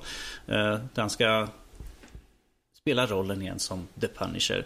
Eh, Och eftersom det är på Netflix så ser han väldigt mycket härligt gött och gory, mycket våld. Eh, förhoppningsvis, förhoppningsvis som det gamla Punisher-spelet till, vad var det? Eh, Första Xboxen? Man sprang omkring och liksom slängde in gubbar i och borrade ner huvudet, hävde dem ut genom fönstret. Jag hoppas på mycket våld i, när det är Punisher i alla fall. Eh, Jesus. Wow, Ja, det, det, är, det är Punisher, han mördar liksom folk Ja. höger och vänster. Vad förväntar ni er? Plus att Jo, precis. Jag, jag ser att, eh, jag hoppas att det här är... Det kommer såklart vara en liten moralkaka liksom att Även ifall han, ifall han gör på sitt sätt så måste det till slut finnas någonstans där han ser liksom att Det jag gör kanske är rätt på ett sätt men att på den stora biten så är det fel. Så jag får liksom backa tillbaka. Vi får helt enkelt som- se Det karaktärsutvecklingen. som är så bra med just den, den uh, karaktärsversionen versionen han gjorde av karaktären där i Daredevil var ju att den var väldigt mänsklig. Han var inte någon superhjälte på det sättet att han var omänskligt, omänskligt stark eller så, utan han hade väldigt mycket svagheter i sig också. Vänta, finns det en version av karaktären som har superkrafter då, eller? Att... Men alltså om du, om du tar de gamla. Han, jag han menar bara att han, han var betydligt mer jordnära och framförallt hade ett patos i sin karaktär och för, framförallt en förståelse i varför han var den han var. Mm. Till skillnad från kanske filmer som var mer som att den här snubben är arg, han skjuter alla han ser. som, som alla andra? Uh, ja, är, mm. Så just på den jämförelsen gjorde att han kändes betydligt mer mindre okay. eh, superhjälteaktig. Jag, jag, jag, har inte, jag har inte sett, jag har bara sett första avsnittet av den här Daredevil säsong 2. Och mm. eh, jag har inte sett någon av Punisher-filmerna har jag inte. Den, den, min enda kontakt med Punisher är när han var med i eh, Spiderman TV-serien från 90-talet. Eh, den som okay. brukade gå på typ TV4 eller något sånt där i Sverige. Så det, det är den enda kontakten Carl jag har. minns den väldigt väl. Ja, nej, men det, det, är den enda kontakten jag har egentligen med den karaktären. Så att, eh, och där mm. var han ju, jag kände att han var, rätt jordnära där, fast han var lite slängd omkring folk. Robert, om, om, om jag sammanfattar de senaste Punisher-filmerna. Det är liksom, han smyger omkring, ingen hör han bryter nacken av folk, liksom, han blir skjuten, han liksom blinkar knappt. Det är liksom så här, whatever, skjut mig ett par gånger till så kommer jag lönnmörda dig stenhårt efteråt. Liksom, do your worst, then I do mine. Det, det, är mer eller mindre. Och ifall du tar till exempel eh, de animerade eh, eh, filmerna också så är han också den här überkraftiga. Han är liksom, kan hoppa hur bra som helst. Han slår, lyfter upp snubbar och knockar upp. Så att totalt här är han mer den, jordnära. Ju. Precis, och det intressanta är att när man har sett, för jag har också sett den serien, de här klassiska eh, tecknarna, och de är ju PG. Liksom, de är ju, och han är ju absolut inte det. Han är ju så fruktansvärt rå som man bör vara som en sån, den karaktären. Och det är kul att se att det faktiskt törs visas på, på film. Eller framförallt tv-serier. Kom igen, ohämmat våld. Jag tycker det har varit ganska Ungefär mycket som... ohämmat våld i Daredevil säsong 1 bara. Om det blir mer av det i säsong 2, det vet jag inte riktigt. Mm. Men det verkar så som... kreativ på sitt våld. Precis. Ja, ja. Nej, men det, det blir väl kul. Det blir kul. Yes, och då går vi över till nästa nyheter och det är lite, grann, lite spelfilmrelaterat. Det är då att Lionsgate kommer att dela ut sitt filmbibliotek till Steam. Eh, just nu är det sagt därför att det är över ett hundratals filmer som kommer kunna finnas tillgängliga för dig att köpa och ladda ner och se helt enkelt via Steam. Ehm, jag ser inte det här som en direkt förvåning egentligen. För jag menar Steam är en av de största samlingshubbar egentligen för massvis med folk och att kunna ha film där också. Det är ju liksom en win-win för båda dem. Mm. Så ja, jag menar why not? Nå någonting? Ja. Någon... Alltså de har, de har ju redan musik där har de ju via så här eh, OSTs och sådana grejer. Så att, eh, alltså jag är inte förvånad men jag vet inte riktigt hur bra det kommer gå. För man, jag, det, jag läste nyheten, det stod inte direkt men jag antar att man måste köpa varje film liksom så individuellt. Det är inte så att man betalar en subscription utan du kan alltså, det är bara en digital nedladdning av filmen då eller? Alltså du köper, betalar och... Uh, ja, så vitt jag har förstått det så är det i alla fall att det är du köper för individuell film. Det är inte en streaming service helt enkelt. Mm. Utan du, du köper film för film. Eller hyr mm. film, hur de nu är tänkt egentligen. Ja. Uh, det är inte som uh, någon av de andra plattformarna. Ja, nej, det, alltså, jag, jag vet inte riktigt. Alltså Ja, jag förstår varför. Uh, men som ni säger, Steam, Steam är ju väldigt stort. Uh, men jag vet bara inte hur det kommer stå sig mot streaming-servicerna som finns. Uh, mm. Det är det som är det, det är väl det som är den stora... Jag börjar tänka direkt, ja men nu vill de försöka få ut sina Steam Machines igen. De här som alla har glömt i det här läget. Och de här Steam Link, eller de heter. Att det är någonstans där de vill försöka kränga lite mer av dem. För jag personligen kommer ju inte sitta med Steam för att titta film. Nej. Uh, visst, säljer de det snorbilligt så då kanske jag väl tänker över det. Menar, de har ju haft, säg om de har en Steam-filmrea uh, då. ja, kanske det. Så, så grattis, Men, nu kommer du ha massor med filmer som ligger och dammar i ditt ja, bibliotek. Då ska det vara sjukt bra pris för film vill jag oftast ha lite mer fysiskt. Ja. Mm. Finns det säkert. det, det vi får se vad som händer när det, när det väl kommer. Jag kommer inte ihåg vad det stod. Stod det när det skulle hända? Uh, Jesus. Uh, det finns redan så du kan ladda ner ja. filmer så. Eh, jag vet att Leprechaun eh, kostar 799 så Jösses. den kan du slå till på. Eh, do, dock finns inte In the Hood. Leprechaun in the Hood, den finns finns, den? den finns tyvärr. Jag tror att den inte finns, men de andra fanns. Leprechaun in the Hood Oh 2. wow, jösses. I alla fall, moving Nej, on. inte den heller. Eller Ka- Kalle, hade du något att säga om det här kanske? Nej. Ja, okej. Alltså okej, det är en till streamingtjänst eh, som ska slåss med alla andra så vi får se hur det Ja. går för dem. Så de får slåss med HBO och Netflix och sådär. Kul. Lycka till. Ja, jo, Lycka ungefär. till. Ja, men vad bra. Men där har vi i alla fall lite nyhet på, på, på nördämnessidan. Och vi kan väl eh, fortsätta. Vi har lite krig här. Vi kan väl fortsätta på krigsspåret. Eh, varför inte inbördeskrig? Captain America, Civil War Yes. var ju jag och eh, Norskis och såg, bland annat. Mm. Ehm, och eh, ja, Danny. Vad, vad, vad, vad händer i filmen? Som, om du kan ge en liten premiss utan att... En, Spoiler, en, självklart. en liten premiss här, för att ta kort och enkelt. Eh, Å andra sidan, vem har inte koll på det? Om, om vi tar Jag vet kort inte och i alla fattat- Vi tar kort och fattat. De är iväg på ett uppdrag. Det här är liksom film. De är iväg på ett uppdrag. Någonting går fel. Oskyldiga dör. Vilket gör att eh, efter de and- händelserna i de andra filmerna där de har varit inblandade och massvis med folk har dött. Så att tar de och gör en, eh, ett föredrag som eh, 100... Hur många länder var det? 117 länder? eller 130? Ja. 100, 100, någonstans- 117 tror jag. den, den, den numret, 100 länder som har skrivit på att där de helt enkelt måste lyda under FN. Eh, vilket, eh, för er som vet någonting om det, vet att Captain America är helt emot. För han tycker att ifall de bestämmer över oss Ifall det är någonting som vi känner att vi måste göra här och de inte låter oss så kommer vi bara sitta på våra arslen. Och sen är det någonting som de skickar iväg som är totalt ointressant för våran del som inte känns lika viktigt. Så måste vi göra kan vi motses. Så det är där kriget börjar och Iron Man, eh, Tony Stark, är liksom för. För att han försöker i sitt egna sätt få dem att skydda och inte splittra upp gruppen. Och där är egentligen där kriget är. Det är egentligen mellan Iron Man och eh, Captain America. Captain America står för frihet och eh, Iron Man ser liksom att vi måste liksom stå under lag för att vi ska skydda oss själva och inte bryta upp gängen helt enkelt. De båda har ju rätt på sitt egna sätt men att de clashar ihop lite grann. Och Precis. det blir lite vilt. Ja.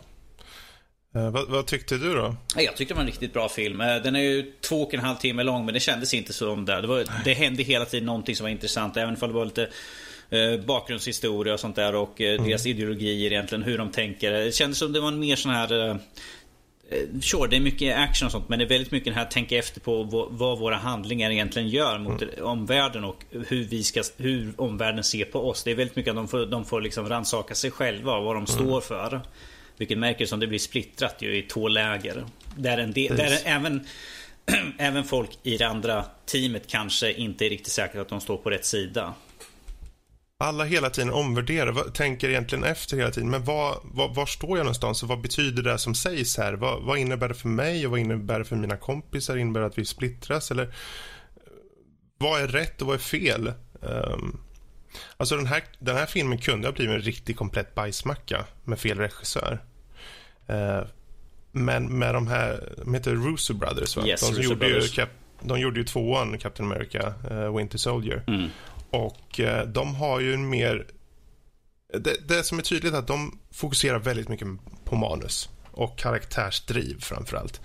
Eh, de, de större karaktärerna i den här får en gedigen plats. Och eh, det fanns stunder som man tänkte, ja, jag, först, jag förstår Iron Mans sida helt och hållet. Jag förstår exakt. Och i andra stunden tänker man, ja, fast det är klart, Captain America, han, hans ståndpunkt är ju väldigt gedigen också faktiskt. Så man, man tärs av de här sakerna i filmen när man ser på det. Och att klara av den balansen var, tycker jag är väldigt starkt jobbat faktiskt. Precis, det är väldigt bra att liksom få när publiken, folk som sitter i publiken liksom först liksom, ja ah, men han har rätt. Nej vänta nu. Det, nej det där, ja vänta, ja, vad säger han? Oh, shit jag kan inte bestämma vem Sen finns ska det ju vara. vissa saker i slutet på filmen som, som gör att man förstår personers resonemang men man kanske inte godkänner det. Liksom, som att man förstår att de kanske resonerar eller inte ens resonerar alls utan går utifrån känslor och liknande.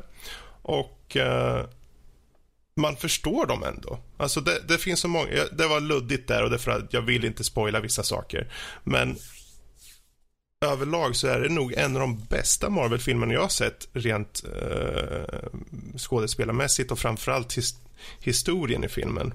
Eh, den klår ju framförallt Age of Ultron som egentligen var ganska dålig. Ja. Men, uh, men klår den Batman vs Superman? Jag menar, kom igen, kom igen. Kom. Oj, oj, oj. Krig mellan olika saker och ting. Alltså den här är ju en helt annan liga faktiskt.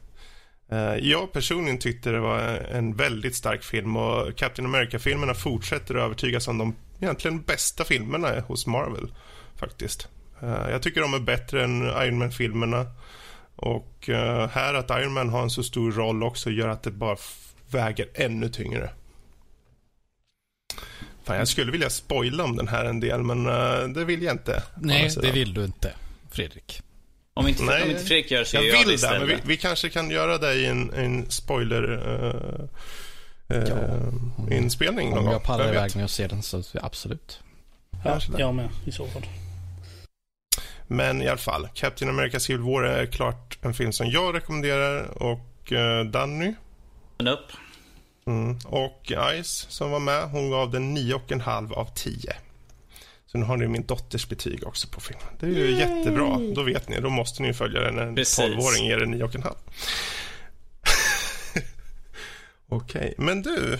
Vi gör så här, vi har ju faktiskt lite tid. Vi kan väl ta lite second impressions. För uh, du Rob hade ju varit och sett Star Wars The Force Awakens ytterligare en gång. Yes. Uh, och ville nämna lite grejer om det. Vad var det du tänkte på då? Ja, nej, alltså, det, var, det var inte så här jättestora grejer. Så att jag helt plötsligt ändrat min åsikt om filmen. Liksom, på det nej. sättet. Det, det finns inte en chans. Men nej, jag kollade på den idag med några vänner och sånt där. Och jag tänkte med tanke på, när jag såg det första gången så gick jag in med uh, absolut ingen kunskap om filmen. Det enda jag hade var en spoiler den största spoilern i stort sett. Uh, ja, just det. Mm. Uh, men uh, i efterhand så har jag läst många artiklar, jag har pratat med folk och, och liksom vi hade våran spoilercast och, och uh, sådana grejer. Och, och jag har sett vad andra tycker och tänker liksom. Cinema Sins gjorde nyligen en video liksom om det och sånt där. Och det beror på vad de tänker liksom. Så, så, så har man ju kanske eh, omvärderat lite vad man tycker och tänker om filmen eh, i efterhand. Liksom, när man tänker tillbaka. Ja, ah, just det. Ja, ah, men de har ju lite poäng där och så. Men och oftast är det ju så när man ser om en film med den kunskapen då så brukar man ju kolla på det och säga ja ah, men den kanske den, den var väl kanske inte lika så bra som man tänkte då. Eh, men eh, jag kollar på filmen idag och jag märkte det att jag, jag uppmärksammade de sakerna som som kanske var lite så ja, ah, det, ja jo, de har lite poäng där, där. Det var kanske lite eh, udda eller det är väl inte något plot hole, men det är lite udda liksom när sånt där händer. Det där kanske inte var så jättebra, men jag märkte att det spelade ingen roll. Gjorde det inte.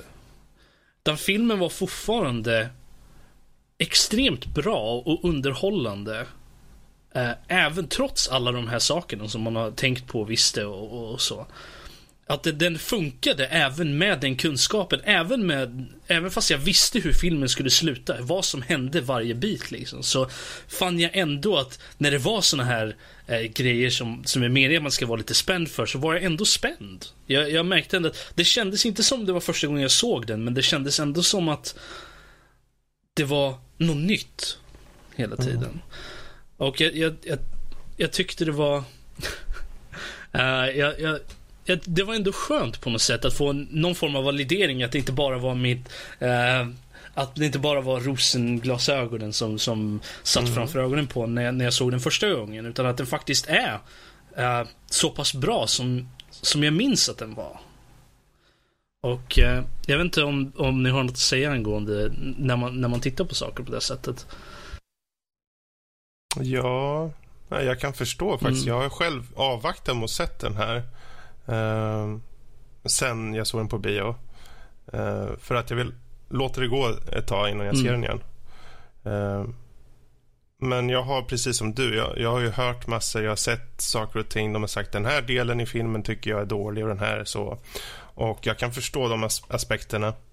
Eh, och framförallt det nästan som uppfattas som klichéer eller eh, som upprepningar så att säga.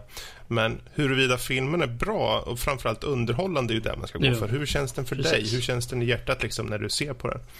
Och eh, det ska bli kul för mig. Ja. Och jag har en känsla av att jag kommer känna ungefär ja. Nej, men personligen så kände jag det att jag tror nästan att det är svårt att säga, men jag tror nästan att filmen var nog bättre andra gången jag såg den. För att man behövde inte sitta och vänta på liksom, åh nej, vad kommer hända här? Liksom, sådana grejer. Utan det, man, kunde, man kunde känna, slappna av liksom och, och faktiskt bara, jag vet inte, smälta in i filmen på något sätt. Man, man, man sitter och bara kan njuta av den. Uh, utan att man har den här, kommer det här vara dåligt eller bra? Uh, för man vet ju det. Mm. Oh, nej, men jag tyckte att den var bra sist jag, när, när jag såg den första gången. Så nu, jag tyckte fortfarande att den var väldigt bra och kanske nästan bättre på vissa ställen när man, när man tänker på att ja, ah, men det där också. Ja, nej, man såg fler saker också som man missade första gången. Uh, mm. och, uh, så det, jag, jag, skulle definitivt rekommendera att om man gillade filmen, även om man kanske tyckte att den var lite, ah, den var väl okej. Okay, ge den en andra chans faktiskt, lite, när, ni, när det har gått ett tag för att se. Jag tror nog att man kommer uppskatta den lite mer faktiskt. Ja. Men vad bra. Fick vi lite ett, ytterligare ett intryck där igen då från dig. Eh, och det är kul att följa upp på saker. Absolut. Eh, och följa upp på någonting helt annat då. Det är ju lyssnarmailen. Så om vi då hoppar vidare då så har vi fått in lite mejl och vi har två mejl som vi ska ta upp den här veckan. Eh, först ska han dricka lite där, eh, som ni säkert inte ser, men ni hör. Så låter det. Yes, jag behövde bara ta en, en liten nubbe. Nej, men... Uh... Vilken nubbe? Uh, yes, vi har ett mail här. Är det här första? Ska se, så det var första mejlet jag hade plockat upp också. Uh, vi har ett mail här från Erik. Han uh, skriver så här. Hej gänget!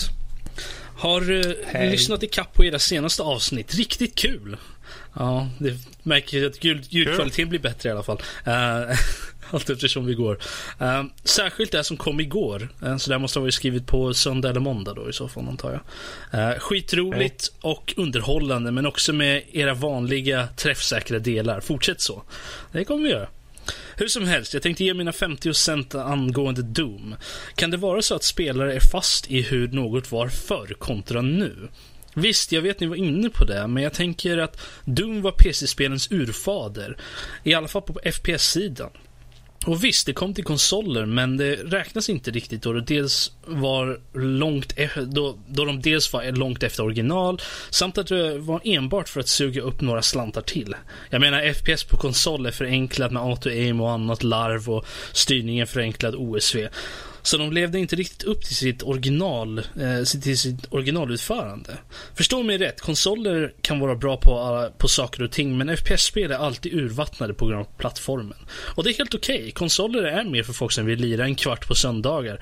Eh, det vill säga för de flesta, inte alla, är en axelryckning. Så till min poäng.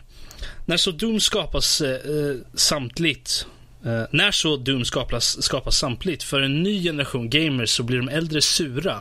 Dels på grund av att styrningen, inställningar och hela spelmekaniken förenklas och inte ger den den där snabba, responsiva känslan. Självklart fun funkar det för det, de som inte lirar så mycket FPS. De, kanske, de som kanske lirar multiplayer-spel någon gång ibland, som på konsol. Uh, men de flesta på PC är vana vid den där snabbheten. Jag tror att många revolterar mot uh, id, som en gång var FPS-spelens urfader, går ut med ett spel som är så tydligt förankrat i konsol, när deras arv ligger någon annanstans. Suck. Uh, jag vet att det blev långt och konstigt, men jag ville bara ge mina tankar. Uh, jag skickar inte direkt in ofta ändå så. Jag tror att jag, det jag vill komma vill komma till är att folks förväntningar hamnar snett när ett spel så pass uttalat PC-mässigt förvandlas till en konsolklon. Spelet i, spelet i sig självt är bra, i alla fall det jag fick testa under öppna betan. Men så lirar jag personligen väldigt lite FPS. Precis som, he, som hela mitt argument Orban beskriver. uh, tack för att ni fick mig att tänka och hoppas att Doom Single Player visar vägen. Med vänliga hälsningar EK EMC Erik. Han skriver EKK-EMC så att jag inte...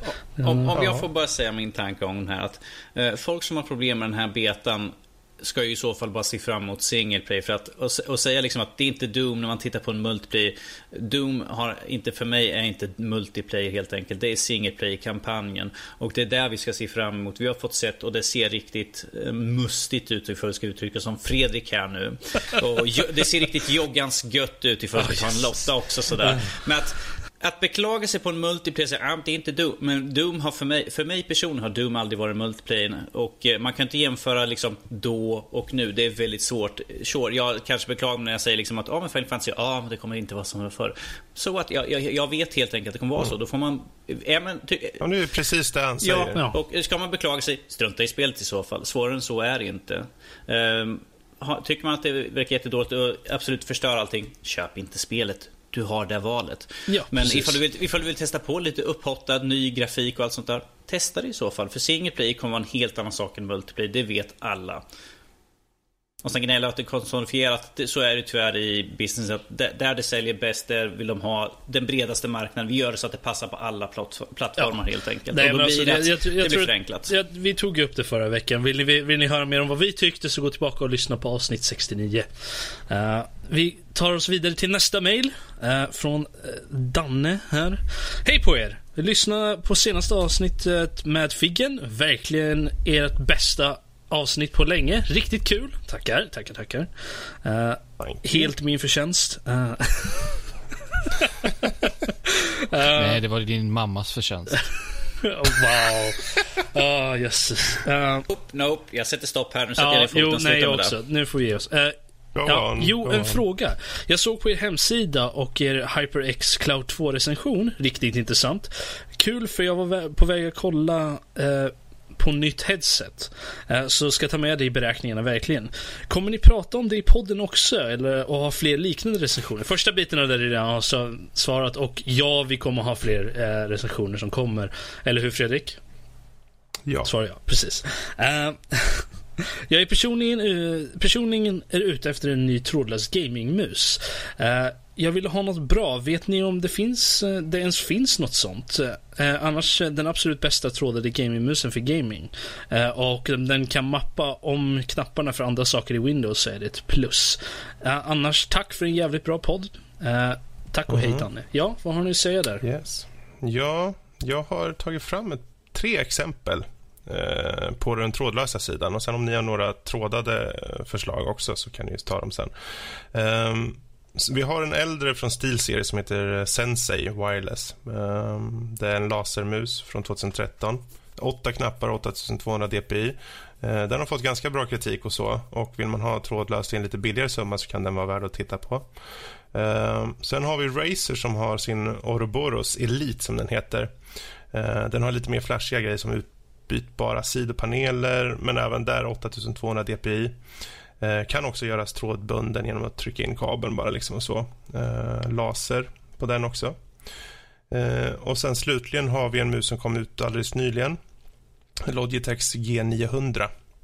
Eh, Chaos Spectrum. Eh, den har en millisekunds responstid. 12 000 i DPI och eh, håller upp till 32 timmar på trådlös användning och är dessutom optisk. Eh, den har väldigt många sagt hittills varit den absolut bästa trådlösa musen som har kommit ut på marknaden. Eh, jag hoppas att vi framledes kan kanske komma över den och göra en recension. Jag vill inte lova något, men hoppas det. Eh, men det är de tre på den trådlösa sidan som jag kan rekommendera att man tar en titt på eller känner lite på. Ja, Uh, Danny, har du något att rekommendera? Uh, jag slänger över till Karl, helt enkelt. Okej, okay. Karl, vad har du att komma med här? Nej, jag tyckte eh, Fredrik täckte ganska bra där. Speciellt på, på trådlösa sidan. Jag har aldrig varit så stort fan av trådlösa mössor. Eh, ja, ska jag köpa en mus så är det trådat som gäller. Ja, har du något att rekommendera där då? Eh, på den trådade sidan när det kommer till gaming Ja, jag just nu, just nu och letar efter eh, en, en ny mus. Jag har bestämt mig att ersätta min, min trotjänare. Jag ska ha kvar den som jag har nu, men jag tänkte jag har den på jobbet istället. Men jag vill ha en ny, ny mus i alla fall. Och då, då har jag tittat på Steel Series Rival, både 300 och 700. Samt då Zoes mus, alltså Z-O-W-I-E, alltså Zoe. De mössorna har jag också tittat på. Eh, så um, det är väl det jag har att tänka på. Alltså jag, jag, nej, alltså jag har inte riktigt, eh, det är, inte, det är inget jag har bråttom över. Så att jag har inte så jättemycket att rekommendera. Ja, nej men... men det, är, det är det klassiska, det är Cupad, det är Logitech, det är um, Steel Series. Ja, jag har ingenting att komma med här. Jag sitter med en gammal Logitech-kloss här som har typ två extra knappar. Jag känner inte att jag har rätt att yttra mig direkt. Uh, men där, där har ju Danne i alla fall fått några förslag som han kan uh, som man mm. kan kolla över. Men det var den sista lyssnarmailen. Vad bra. Då så. Där har vi alltså avklarat mejlen och eh, det innebär ju då att den här veckans avsnitt närmar sig sitt ack så sorgliga slut. Eh, men först vill vi självklart nämna att om ni vill ha mer av oss, Nördliv, så utöver det som finns i podcastappen eller er dator, så är det bara att hoppa in på vår hemsida, nordlivpodcast.se så kan ni läsa recensioner, spel och filmtips, animetips, krönikor, se YouTube-klipp, eh, lyssna på Danny när han gråter i duschen. Eh, alla sådana här hemliga saker som jag har lagt upp. Eh, men framför allt, är det så att ni vill hitta oss och där vi har att ge ut, alltså lyssna, se och läsa, så kan ni hitta länkarna för det där. Eh, om det så är via iTunes, YouTube, Twitch. Ja, all info finns där helt enkelt. Och eh, självfallet så är vi ju eh, tacksamma om ni prenumererar på oss. Antingen via den här podcastappen iTunes då. Eller Youtube, Twitch eller till och med på vår hemsida. Det går att prenumerera. Och är det så att ni lyssnar just nu på oss på iTunes så vore det jättekul om ni kunde hoppa in och ge oss en betygssättning eh, där. Eh, det, det, hjälper oss helt enkelt att synas och det är alltid kul att hitta nya lyssnare. Och eh, det faller ju även över på Youtube där man kan självklart kommentera och ge likes och framförallt prenumerera. Men utöver det här, är det så att ni där ute, precis som de som mejlade in, har några tankar och idéer som ni vill dela med er av så är det bara att mejla in till oss på info.nordlivpodcast.se. Eller om ni vill nå någon av oss personligen så är det bara att ta förnamn nordlivpodcast.se så når ni oss individuellt. Och vill ni skicka ett tips på att göra lax så kan ni skicka det till danny.nordlivpodcast.se. Uh, ugnsbakat vill han ha. Kan, kan redan. På. Men inte deras. Du kan ju inte deras Jag kan det bästa. Jag har mitt egna recept. recept ah, gott. Ja. Så, farmor Agda där ute, det är bara att mejla in. Men hur som haver, vi är tacksamma för alla former av feedback och förslag från er som möjligt. Så, där har vi det. Avsnitt 70 avklarat. Hey. Uh, Rob är mätt. Mm. Och vi här i Sveriges särklass mumsigaste spelpodd tackar för oss. Tack och hej då. Toodaloo. Bye! Ha det!